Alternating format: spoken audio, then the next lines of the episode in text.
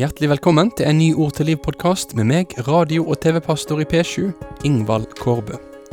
I P7 produserer vi Ord til liv og mange andre radioprogram med det siktemålet at vi vil at du skal få et levende møte med Gud gjennom Hans ord. Og da håper jeg at denne episoden her òg kan få gi deg. Vi skal i dag stoppe opp for historien om Abraham og Sarai og trellkvinna deres Hagar. Det kommer til å være en historie som berører hvordan menneskelig visdom av og til kan gå i en annen retning enn Guds visdom. Vi skal stoppe opp for hvordan synd avler synd, og framfor alt hvordan midt i en verden der mennesker kan bli oversett og glemt, så er det en Gud som ser. Få med deg denne episoden her av Ord til liv.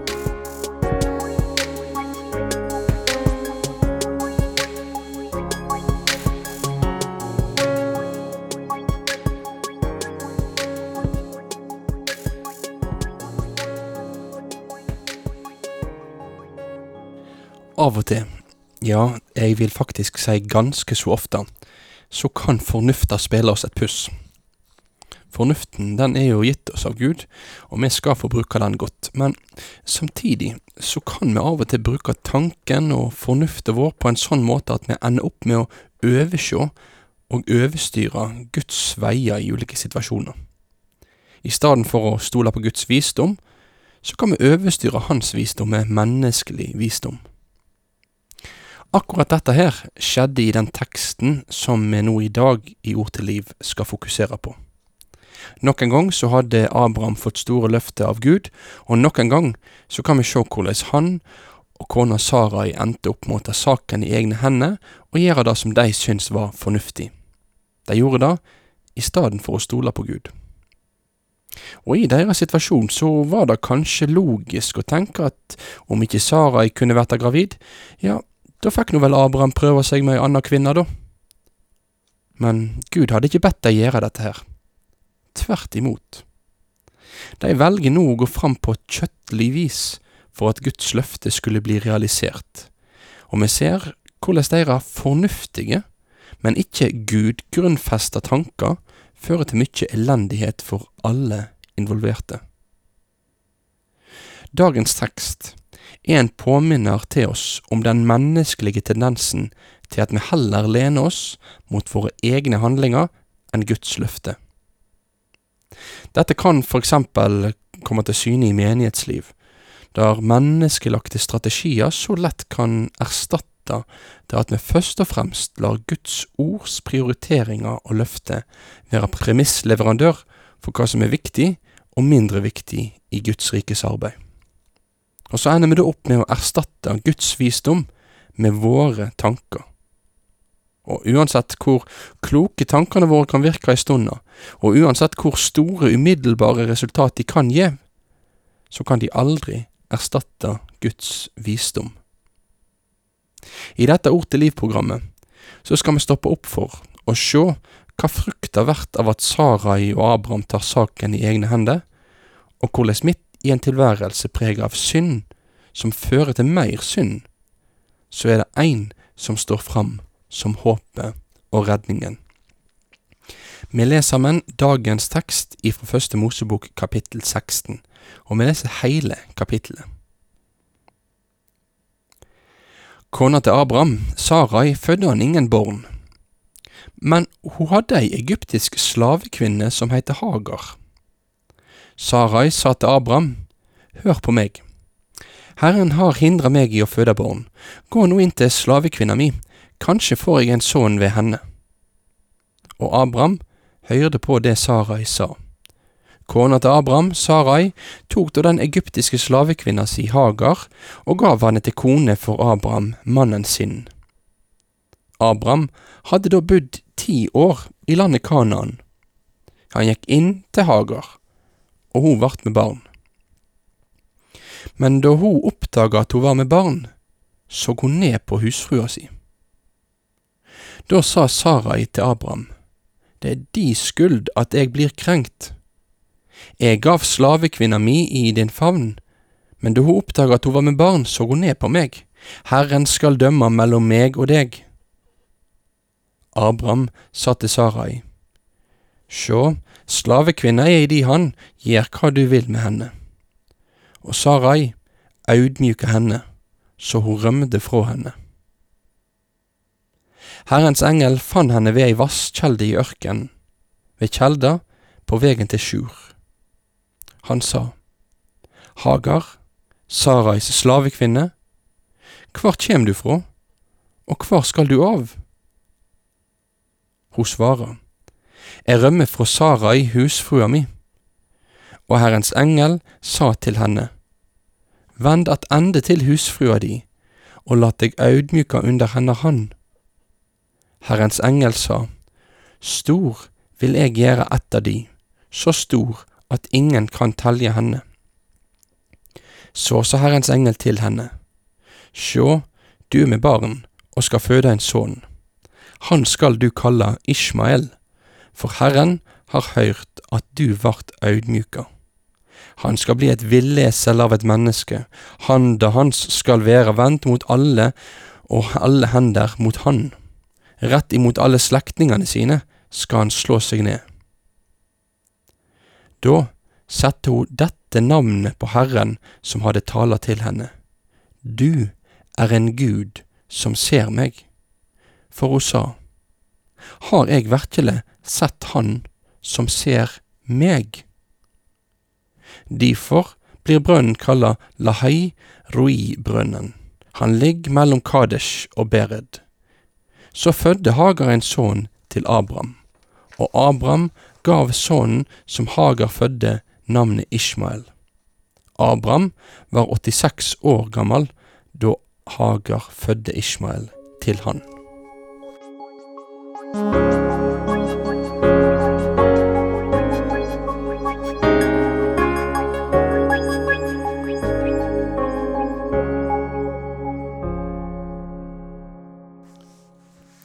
Polygami, eller flerkoneri, det er en realitet i Det gamle testamentet som bibellesere fra tid til annen kan kjempe litt med. For hvorfor blir det ikke tatt et tydelig oppgjør med polygami i Det gamle testamentet, når kirka i lang tid etterpå har vært så opptatt av at ekteskap er mellom én mann og ei kvinne? Selv om ikke dette her er hovedtema i dette programmet, så må jeg nesten berøre det, siden vi kommer inn på det i denne teksten. Og da er det to korte punkt jeg vil nevne for deg. For det første, merk deg at ekteskapets hensikt som livslang, monogam og heteroseksuell relasjon, den blir innstifta ved skapelsen og har blitt bekrefta av Jesus. Med andre ord, før synda kom inn i verden, i den tilstanden da alt var godt, så var dermed ikke hensikten fleirkoneri. Nei, vi må kunne si at Bibelens linjer knytta til den gode hensikten for samlivet, den er knytta til det monogame, heteroseksuelle ekteskapet. For det andre, heller ikke i Det gamle testamentet blir polygami framstilt som et ideal å trakte etter. Tvert imot så er det faktisk et mønster i Bibelen at i historier der ein mann får flere koner, da vert ikke konsekvensen fred, harmoni og lykke, men derimot kiving, misunnelse og bitterhet. Vi ser dette i ulike historier, for eksempel historien om Samuel sine foreldre. Vi ser det i historien om Jakob og de to søstrene Lea og Rakel som han var gift med, og vi ser det her i historien om Hagar og Sarai. For selv om Sarai tilskynder Abraham til å gå og ta til seg Hagar, så ser vi at det som hun først syntes var en god idé, det viser seg å være noe som forsurer hverdagen. Og på mange måter så er det en ganske dyster, men likevel realistisk tekst vi har å gjøre med i dag. En tekst som viser hvordan tre personer, gjennom sine handlingsmønster, drar hverandre ned i et dragsug av elendighet. Abraham, han framstår ganske så feig i denne teksten. Han bare lyder Sara i blindt, han, i stedet for å stille spørsmål ved om det var sånn som dette her Gud skulle gjøre det når han skulle gjeve han et barn. Hagar, hun blir hoven. Hennes nyfødte status som gravid, den gjør at hun nå har noe som sjefen hennes, slaveeieren Sarai, ikke hadde. så hun kunne briske seg litt og se litt ned på denne ynkelige, barnløse Sarai. Og Sarai, i sin tur, hun aksepterer ikke hovmodigheten til Hagar. Derfor begynner hun å ydmyke Hagar. Det er tre personer. Tre personer som gjennom at de ikke elsker Gud og sine medmennesker, handler på en måte som fører mer og mer smerte, sår og sorg inn i tilværelsen. Og dette er et kjennetegn ved synda, at synda baller på seg. Synd avler synd, og det har vært vanskeligere og vanskeligere å lege de mellommenneskelige sårene som etter hvert synder kan skape.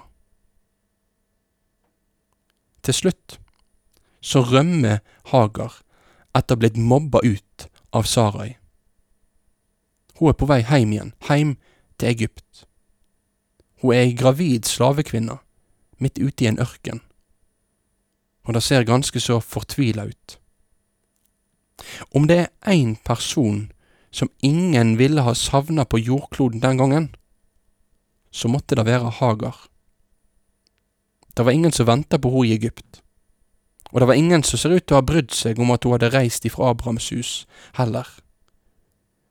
Nå er hun aleine, i ørkenen, med et menneske i magen. Glemt av alle. Men da skjer det utrolige. Herren har ikke glemt henne. Herren roper på henne. Dette er første gang i Bibelen at Gud tiltaler ei kvinne ved navn. Han kjenner Hagar sitt navn. Og denne slavekvinna, som var unnværlig for alle andre, hun fikk høre Guds tiltale. Hun fikk oppleve at Gud er en Gud som ser meg, ikke bare alle de andre. Jeg veit ikke hvordan din dag er i dag, om du opplever deg sett eller oversett. Men kanskje dagens historie kan være en påminner til deg? Spesielt om du kjenner deg oversett, glemt, unnværlig. Da vil jeg si til deg, når Gud så Hagar, ja, så ser han deg òg. Han roper kanskje ikke høgt, sånn som han gjorde i ørkenen den dagen, men han har skapt deg, villa deg, og han har ordna meg fullkommen frelse for deg. Du er ikke glemt av Gud. Det du ser, når du ser rundt deg akkurat nå, det er kjent av Gud. Det du føler, når du kjenner etter nå på korleis du har det, det veit Gud om. Ingenting er skjult for Han. Han er en Gud som ser deg. Og han var den guden som kalte Hagar til å vende om, vende om fra den veien hun var på vei, for å leve livet sitt der Gud ville ha hun. Og Gud, som ser deg, han kaller deg og meg òg i dag til å vende oss til Han og leve med Han gjennom denne dagen.